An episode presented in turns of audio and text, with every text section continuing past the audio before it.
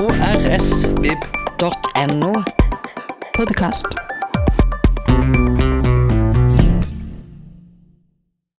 Hei, jeg heter Tore Fjelstad og har da gleden av å ønske velkommen til et nytt innslag i eh, serien Boka mi.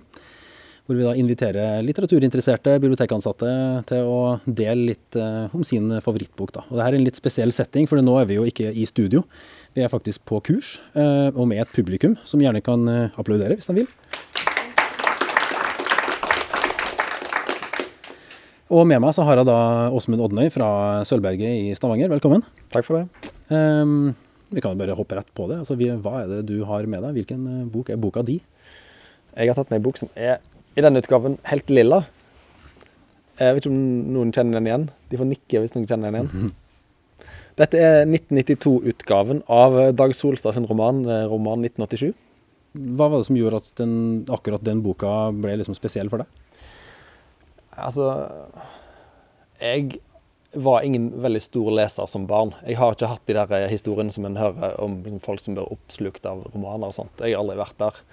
Uh, i, I 1994, når jeg leste den, så leste jeg veldig lite skjønnlitteratur. Uh, var ikke særlig interessert i det. Jeg hadde Altså Målet var at jeg skulle bli, jeg skulle bli journalist. Jeg skulle bli um, mer en sånn um, liksom, Jeg skulle bli en sånn Hunter S. Thompson-journalist. eh, jeg, jeg, leste, Rolling Stone, eh, jeg leste Beat, norske musikkblad Beat, mm. med et veldig alvor. Jeg digga liksom Finn Bjelke, Morten Ståle Nilsen, Eirik Mosveen, disse her som var mm. veldig store i kjeften og hadde veldig peiling samtidig. Ja. Så jeg skulle liksom inn dit. Det var det jeg skulle bli. Hva, hva, hva skjedde? Nei, det, det, det, det, som skjedde, var at vi skulle ha særemne i norsk. Eh, og da måtte vi finne en forfatter. Eh, jeg hadde et Altså, i 1994 så var ikke Dag Solstad blitt den mediefiguren som han er i dag. Mm. Altså, alle her har en forestilling om hvordan Dag Solstad er. De har sett ham på, på, i dette intervjuet med Eva Brattholm eller annet sånt. Altså, denne framtoningen han har. Men for meg den gang så var han bare en fyr som jeg hadde hørt om. Han hadde skrevet, jeg hadde lest fotballbøkene hans fra, med Jon Michelet bare Solstad sine sekvenser, ikke Michelet sine. Eh, men jeg hadde litt mye fornemmelse av at dette her ville være en forfatter som passer for meg. da. Ja, hva var det som gjorde det? det... Nei, jeg, jeg, jeg, så vel for meg at han var, var liksom intellektuell og morsom.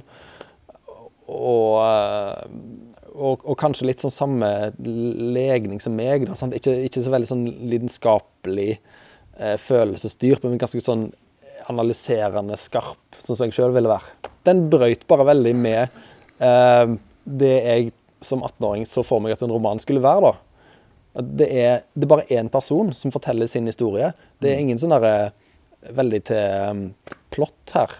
Det er bare én person som blir født uh, omtrent samtidig med Dag Solstad, og hans vandring gjennom 60-tallet, 70-tallet, første halvdel av 80-tallet.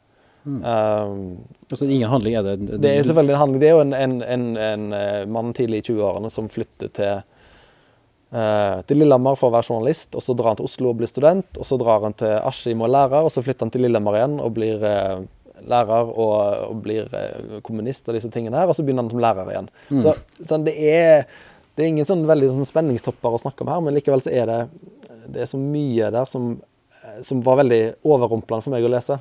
Mm. Det handler mye om språket, da, antagelig? Mye om språket, men òg det der med hvordan han vektlegger ting ulikt. altså han skriver 150 sider om det ene året hvor han var journalistlærling. Mm. Eh, samtidig som han innleder den sekvensen, jeg tror det er innledningen, med at ja, nå skal jeg fortelle om et år som ikke betydde så mye for meg. Mm. Og det bruker han en tredjedel av boka på. Og så, på veldig kort plass, så sier han at nei, dette kan jeg ikke fortsette med, jeg drar til Oslo. Mm. Altså at han, han, blåser på en måte i den forventningen om at det er de store veivalgene som skal vektlegges. Han, han, han er mye mer opptatt av det som er mellom veivalgene. Ok, det er interessant. da. Jeg syns det, det, er veldig gøy. Og så er det jo en del sånne uh, formuleringer. Altså, jeg, jeg, har lest den jeg var 18, og jeg har bevisst ikke lest den igjen. Men han er akkurat som et sånn album hvor liksom bare blar opp litt, så bare Å oh ja, oh ja, ja, dette er bra. Dette er bra. Altså sånn altså, Veldig siterbar? Eller? Veldig siterbar. Veldig sånn der um, uh, som du setter på favorittplata di, så kan du velge hva sang du vil. Kan, hoppe ja. inn hvor du vil, og så finner du mye gull. Det gir deg godfølelsen uansett? Ja, det liksom. gir godfølelsen. Ja. Uh, jeg tror det beste, og det som kanskje er det mest siterte her, er jo um, når han har eh, han har eh, tatt hovedfag i historie med liksom kullets beste karakterer. Eh, samtidig som han planlegger å skille seg fra kona si. Og okay. kona er jo fra liksom, den der eh, beste vestkant, eh, intellektuelle eliten i Oslo. Eh, og har store planer for han, mens han sjøl da i smug har søkt jobb på gymnaset på Askim. Ok.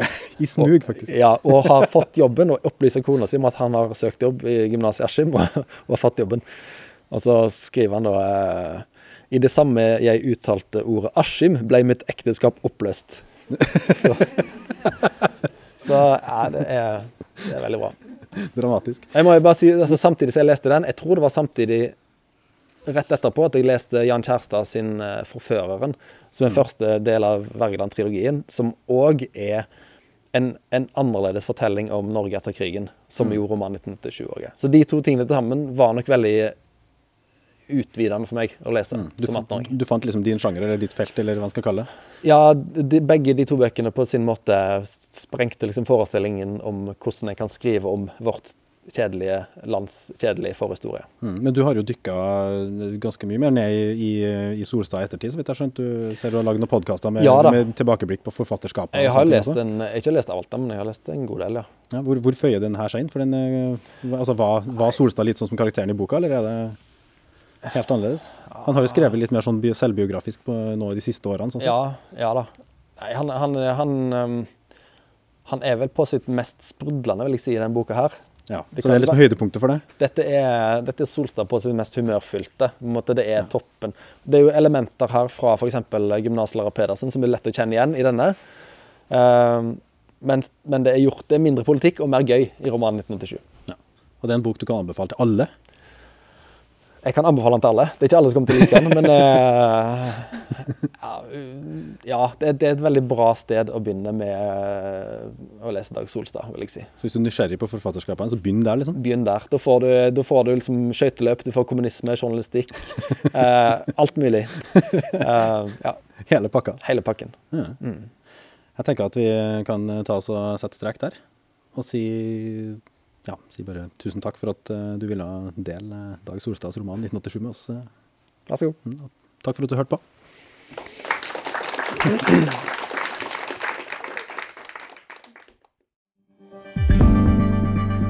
Flere podkaster fra oss finner du på Google Podkast, Apple Podkast eller iTunes, eller ved å stikke innom vår hjemmeside på krsbib.no.